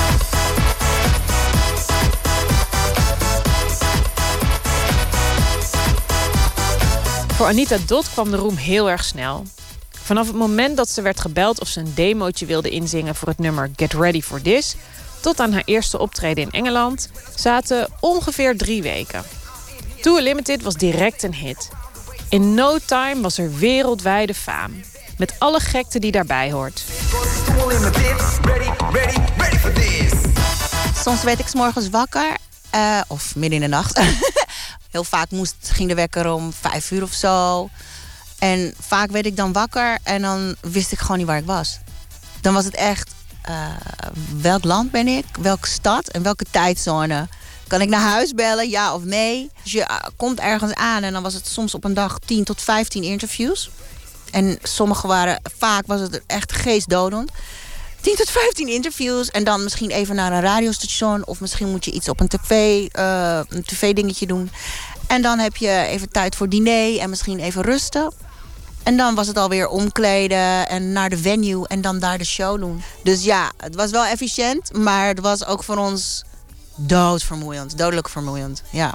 Je bent constant bezig, je bent constant weg. Je hebt geen tijd eigenlijk om in je hoofd orde op zaken te stellen. Je komt ook in een soort vermoeidheidsroes. Eh, dingen gaan langs je heen, waardoor het steeds moeilijker wordt om juist die grip op de situatie te houden. En dan is het de kunst om jezelf er niet in te verliezen. Om voor ogen te houden dat je ook maar een mens bent. En dat je lichaam niet alles aan kan. Er zijn wel momenten geweest dat ik gewoon eh, dat ik flauw viel. Eh, er zijn momenten dat ik eh, chronische holteontstekingen had. Gewoon omdat je maar niet geneest. Omdat je geen rust krijgt. En omdat je zoveel vliegt. Eigenlijk moet je met holteontstekingen helemaal niet vliegen. En ik denk dat het gewoon te maken had, inderdaad, dat het lichaam was al moe. Weet je wel, dat lichaam gaf signalen van... hallo, kan het iets rustiger aan misschien? Maar je, als je zo jong bent, let je daar niet op. Of dat besef je sowieso niet. Ehm, als ik, als ik eh, op een bepaalde manier was doorgeweest, was gegaan, was het, was het wel slecht geworden. En zeker omdat de relatie tussen Ray en mij op een gegeven moment is geëscaleerd in een, een zeer fysiek eh, geweldmoment. Eigenlijk waren het er meerdere, maar die ene grote, dat weet dan iedereen. Weet je, eh, de rest heb ik allemaal een beetje voor mezelf gehouden. Maar er zijn meerdere incidenten geweest. Als ik in die cyclus met hem was gebleven, dan was dat waarschijnlijk niet goed afgelopen. nee. You don't know me, I don't know who you are. But I know that you live with me under these stars. Oh, Joshua Nolet ondervindt het ook. Dat het moeilijk is om maat te houden als je carrière zo'n vlucht neemt. Zijn reality check kwam tijdens een tournee in de VS. Toen hij zich realiseerde wat hij allemaal miste. Nou, iemand heeft wel eens tegen mij gezegd van... Jos, jij kiest veel sneller voor de liefde van eh 30.000 man voor je... dan eh, de liefde van iemand die recht voor je staat. Bijvoorbeeld, weet je wel, dit is even heel erg simpel eh, gezegd... maar daar zit wel eh, een kern van waarheid in. Ik, ik weet ook nog het, het moment heel erg dat ik een filmpje kreeg toe- toegestuurd van mijn oudere zus. Die stuurde een filmpje van ons jongere zusje. En die had een, eh, een optreden gedaan. Die zingt ook. En eh, ik had, ze zei, kijk even naar je zusje. En toen ging ik dat kijken. En toen zag ik dat ze opeens een soort jonge vrouw was geworden in die tijd. Zij is zeven jaar jonger dan ik. Dus ook altijd in mijn hoofd dat kleine schattige meisje. En opeens was zij een jonge vrouw die daar met heel veel aanwezigheid en trots onwijs mooi stond te zingen. En toen dacht ik, Jezus, ik heb gemist. Ik heb haar reis helemaal gemist, hoe zij daar is gekomen. En eh, ja, toen werd ik wel even wakker. Dat ik dacht, ik wil, dat, ik wil dat meemaken. Ik wil dat zien, ik wil daarbij zijn. Ik wil een grote boer zijn. Het kan dus behoorlijk slopend zijn, die roem. Intens. De mannen van de band Saint-Tropez hebben ervoor gekozen om juist niet te gaan voor bekendheid en roem. Het is onze zeer succesvolle huisband van vorig seizoen en ze hebben een nieuwe plaat. En dus zijn wij weer heel blij dat ze terug bij ons zijn. Go back to the zoo. Cas, het gaat jullie goed. Het gaat ons heel goed, ja. Net een nieuwe plaat Tot uit. twee jaar geleden vormden ze nog Go Back to the Zoo. Maar die jas begon te knellen naarmate ze bekender werden. Ik zoek zanger Lars Kroon op in de pop-up studio op Amsterdam Centraal. Waar Saint-Tropez de lancering van haar tweede album viert. Ik was altijd meer fan van Mission Cannibal. Ik denk dat Go Back to the Zoo in het algemeen... hoe wij daarin stonden was gewoon een soort van overal ja tegen zeggen. Gewoon let's go, we zijn jong, we willen gewoon... eh, we willen gewoon naar ons zin hebben. We willen gewoon maken wat we maken. En we willen gewoon een soort feest bouwen overal waar we zijn. Willen... eh, ja, dat. Dus we waren, waren super blij. Ja. Ehm, en jullie zijn twee keer ehm, eh, hebben jullie 3FM Award eh, gewonnen. Jullie hebben op Pinkpop gestaan, alle grote podia in Nederland. En toen ging er op een gegeven moment iets knellen. Ja, het begon eigenlijk bij de muziek, zal ik wel zeggen. Denk ik dat wij, we schrijven allemaal met z'n vieren, los van elkaar.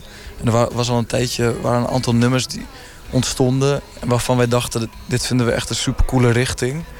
Maar dit kunnen we niet echt eh, verantwoorden of combineren met wat we met Go Back to the Zoo doen of hebben gedaan. Dus zaten we eigenlijk, het begon een beetje als een grap van we zouden eigenlijk een nieuwe band moeten beginnen. Maar dan met, met, met z'n allen een nieuwe bandnaam. Zo.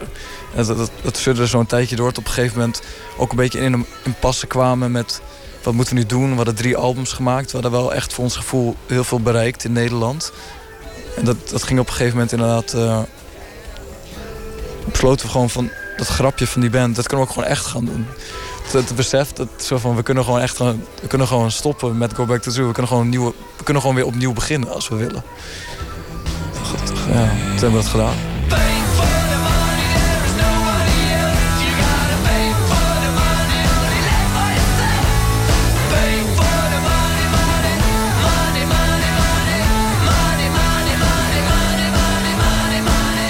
We deden het voorprogramma van John Mayer in de Ziggo Dome. En dat was, dat was echt voor ons allemaal een soort dieptepunt... waar het voor misschien voor heel veel bands een soort hoogtepunt zou moeten zijn. Op een hele afstandelijke manier optreden. Namelijk de mensen staan echt 200 meter van je af, achter hekken. Dat gebouw ziet eruit als een kantoorgebouw met TL-verlichting. Je zit in een soort kantoortje... We konden ook, konden ook niks drinken of zo. We werden ook een soort van... eh, weet je wel, door de artiest, die had dan niet wat drinken voor ons gekocht. Dus we moesten dan zelf naar buiten toe op dat hele droevige entertainmentterrein. Dan Loop je daar is dit nou... Is dit dan wa- waar we naartoe moeten of zo? Op een gegeven moment kom je tot het besef dat het alleen maar iets van... Dat, dat, hele, dat hele idee van altijd meer willen of zo... dat is niet per se altijd onze ambitie geweest. Aan het begin van Go Back to the Zoo... we wilden wel groeien, maar wel op onze manier. Van we willen gewoon de muziek maken. En die werd gewoon opgepikt. Dat ging zo snel. En dat, dat was uit onze handen. En toen kwamen er allemaal mensen bij met belangen. En toen werd het een soort van soort van idee waar, al- waar allemaal mensen dan een mening over hadden en zo. En toen werd het moeilijker om die eigenheid te bewaken. Met Go Back to Zoo konden jullie ervan leven. Ik kan me voorstellen dat dat ook wel een droom is voor Saint-Tropez, of niet? Absoluut, Dat is, dat is denk ik echt een heel groot verschil. Want dat was het bij, nee, niet een verschil, dat zeg ik niet goed. Bij Go Back to Zoo was het namelijk ook nooit een doel. En ik denk dat dat heel belangrijk is. Zeg maar, succes was geen doel. En geld was al helemaal geen doel. We waren allemaal aan het studeren. En we hadden allemaal in principe... Zijn allemaal slim genoeg om ook een, een baan te kunnen vinden. Of, weet ik veel, misschien dat klinkt al heel arrogant... maar we zijn allemaal bereid om te werken voor geld of zo. En dat hebben we ook altijd gedaan. En ik denk dat het misgaat als je gaat denken dat je dat soort belangen erbij gaat halen als succes en geld bij het creëren. Want ik zie het wel echt als iets waarbij je, ik vind het ook heel moeilijk. Muziek maken is iets, bijna iets heiligs of zo. Dat, dat moet echt losstaan van, eh, van bijna alle realiteit en helemaal zoiets banaals als geld. Of, eh, of gaan mensen dit leuk vinden? Dat soort shit of zo. Daar dachten we bij Go Back to Zoo nooit over na. Dus je zou eerder zeggen dat als we iets hebben geleerd dat van Go Back to Zoo is dat je dat, dat je dat niet moet doen in ieder geval. Want toen het op een gegeven moment wel om geld ging en om succes. En we dus werden gedwongen om naar meningen van mensen te luisteren en bepaalde keuzes te maken. Toen werd het, niet toen werd het juist heel oninteressant en stom. En werk inderdaad. Het werd ook gewoon werk. Het werd gewoon zo uitverkochte Paradiso. Of eh, weer naar Arnhem, naar de Luxor. Of weer naar dat ene festival. Dat, dat klinkt super arrogant, maar dat, dat was niet de reden waarom we waren begonnen. We wilden, we wilden spanning, we wilden nieuwe mensen ontmoeten. Een toffe band spelen. Gewoon jezelf uitdagen, ja. Nou, zou je, zijn jullie anti-roem? Nee, dat, dat zou ik zeker niet zeggen, nee. Anti-roem. Ja, roem is, ik zie roem, roem is een gevolg van, van, uh, van succes, toch? Succes in de, in de mate van uh, bekendheid, dat mensen naar je optreden komen. We willen echt wel iets zeggen met onze muziek en het is leuk als dat gehoord wordt. Maar ja, ik, vind ik vind zelf wel de roem is dan wel weer echt iets anders. Het gaat voor mij dan om dat je toen wij met Go Back op de hoogtijdagen van ons succes een soort van dan herkend werden. Of zo. Dat, eh, dat is echt wel iets waar, waar, waar wij allemaal denk ik niet. Wat we allemaal super oninteressant vinden. Überhaupt de hele Nederlandse roem of zo. Dat is natuurlijk gewoon best wel bespottelijk of zo. Uh, op de foto met Marco Bassato of zo. I don't know. ik denk dat dat ons eigen maakt. Altijd. Ook met Go Back to Zoo. Dat op het moment dat wij soort van doorhebben dat we ergens naartoe aan het groeien zijn... dan willen we dat meteen alweer kapot maken. En, en weer zorgen dat het weer anders wordt. Of zo. En daarom ook die soort zelf... ik zat te te denken dat bij Saint-Tropez... als we nu dan weer nog daar verder in moeten... dan zou het eigenlijk moeten imploderen of zo. Een soort van, van binnenuit. Maar dat is nog een beetje een heel abstract idee. Ik zat ook te denken, hoe sick zou het zijn... als dan de volgende stap van Saint-Tropez zou zijn... dat we verder gaan als strijkkwartet. Zoiets. Gewoon echt gewoon ja, ja, dat lijkt me zo cool. Ik ben, ik ben zelf begonnen met vioolles. Echt super moeilijk. En de rest van de band is nog niet heel enthousiast over dit idee. Maar wie weet, weet je, dat zou toch vet zijn. Of jazz of zo, I don't know. Hoe, hoe ver kunnen we hiermee gaan? Toch, ja. Anita Dot en Dennis van Leeuwen hebben het inmiddels achter zich gelaten. De dagen dat ze dag in dag uit op het podium stonden. Dennis van Leeuwen is nu manager van een aantal bands en blij dat hij het zelf niet meer hoeft te doen. Heerlijk. Ja? Ja, daar ben ik echt blij om.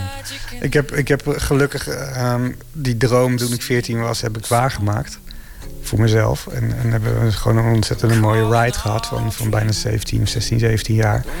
Van de Kuip naar de Arena, naar uitverkochte Ahoy's, naar Parkpop, Pinkpop, uh, noem maar op. Dus, uh, buitenlandse dingen gedaan. Mooie platen gemaakt alles is zeg maar check. Ik heb, dat, ik heb die, die drang. En zou ik dat nog jaren kunnen doen? Ja, had ik nog jaren kunnen doen. Ehm, maar het is ook op een gegeven moment, en dit is heel persoonlijk hoor, en ik denk dat mensen daar ehm, anders over zouden kunnen denken. Maar ik denk echt van, ik vergelijk het heel erg met mensen als Philip Cocu of, of, of, Frank de Boer. Weet je, die hebben bij Ajax gespeeld, die hebben bij Barcelona gespeeld, die hebben het Nederlands elftal prijzen gewonnen of bijna wereldkampioen geworden. En die zitten dan nu op de bank naar, naar een team te kijken van elf spelers die moeten voetballen. En die gasten zijn echt kapot. Maar die zitten op een bank en die zien alles. Die zien wat ze eigenlijk wel en niet goed doen. Ik heb, ik heb uh, dan in het geval van uh, Philip heb ik dat ook wel eens aan hem gevraagd. Van nou, die is gewoon, die is gewoon kapot na zo'n wedstrijd. Maar je zit gewoon, je rent niet mee. Maar je hebt in je hoofd voetbal je wel mee. En ik heb dat met muziek ook. Als ik naar een band zit te kijken in Inesken... dan heb ik ook die gig gedaan, zeg maar. En dat is eigenlijk best wel vergelijkbaar met het, met het echt zelf doen. Er zit één verschil in dat je het niet zelf doet. En dat is heel jammer dat, dat, dat ik dat... Ik had heel graag met de Ines meegedaan, want dat was de band. Als ik 25 was geweest, had ik heel graag in die band gezeten. Maar ik ben 47, dus ik moet even mijn plek kennen. Ik vind het bijna net zo leuk. Het is bijna net zo leuk. Want ik beleef het op bijna precies dezelfde manier als, als, als ik dat op mijn eigen, eh, in mijn eigen muziek had.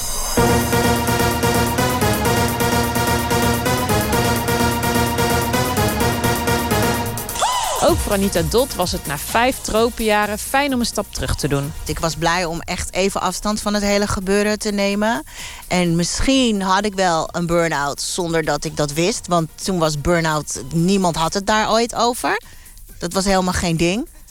En misschien had ik wel een burn-out. Want ja, ik was wel heel erg moe altijd. En ik heb echt heel lang nodig gehad om alles te verwerken. En misschien tot nu toe zelfs heb ik het niet allemaal niet helemaal verwerkt. Kan nu soms nog denken van... wat de fuck is me eigenlijk toen overkomen, weet je wel? En ook het laat je nooit meer los. Ik dacht in 96, we stoppen, we gaan uit elkaar... en nu gaan mensen ons vergeten. Maar dat je nooit vergeten wordt, dat is eigenlijk best wel raar. En, en ik heb zelf als altijd een groot verlies gevonden... dat, dat ik mijn uh, uh, anonimiteit kwijt was. Dat, dat heeft mij heel erg uh, in de weg gezeten en misschien zelfs geschaad. En ik dacht na een paar jaar, ik krijg mijn anonimiteit weer terug. Ik, maar dat it didn't happen. Ja, of alleen al het aangaan van nieuwe vriendschappen of relaties. Je hebt toch altijd, denk ik, in je achterhoofd van... maar wat zijn nou hun echte intenties? Je gaat je heel anders tot mensen verhouden ineens. Ja, ja nou ja, ja. Dat, dat, dat is tot de dag van vandaag soms nog een beetje raar. Dat... eh, ja, soms mensen inderdaad een, misschien een ander beeld van jou hebben. Of je nog steeds zien als die persoon, weet je. Ja, niet dat dot van Too Unlimited. En dat ze dat inderdaad leuk vinden. Maar misschien de echte Anita niet echt willen kennen of zo. Of er al een beeld bij hebben. Dus dat is wel lastig, ja. Ja, je bent altijd Anita van Too Unlimited. Maar ik ben gewoon Anita de vrouw, de moeder. De, weet je, dat that's me also, weet je. Dus ja, ik ben, de, ik ben toch meer dan Anita van Too Unlimited.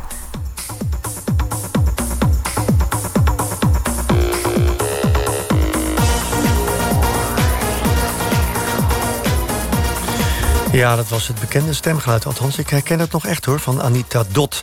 En eh, we hoorden ook Joshua Nolet, Dennis van Leeuwen... en de mannen van eh, Saint-Tropez in ge- gesprek met Inge Terschuren. En de hele podcast is te vinden via uw favoriete podcast-app. Vertel nog even iets over maandag. Eh, dan is Pieter van de Wielen er weer... en die praat met zanger Frank Kraaienveld, 60 jaar. De voorman en cultuurbewaker van de Hoge Over Sound... van zijn band De Bintanks. Inmiddels heeft Kraaienveld meer dan 40 leden de band zien verlaten... duizenden optredens gehad... en heeft de band bijna 30 albums uitgebracht. Maar ze gaan stug door.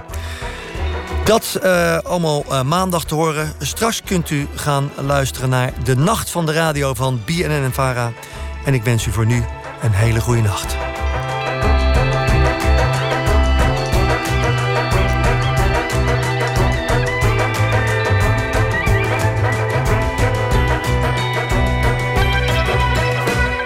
Op Radio 1, het nieuws van alle kanten.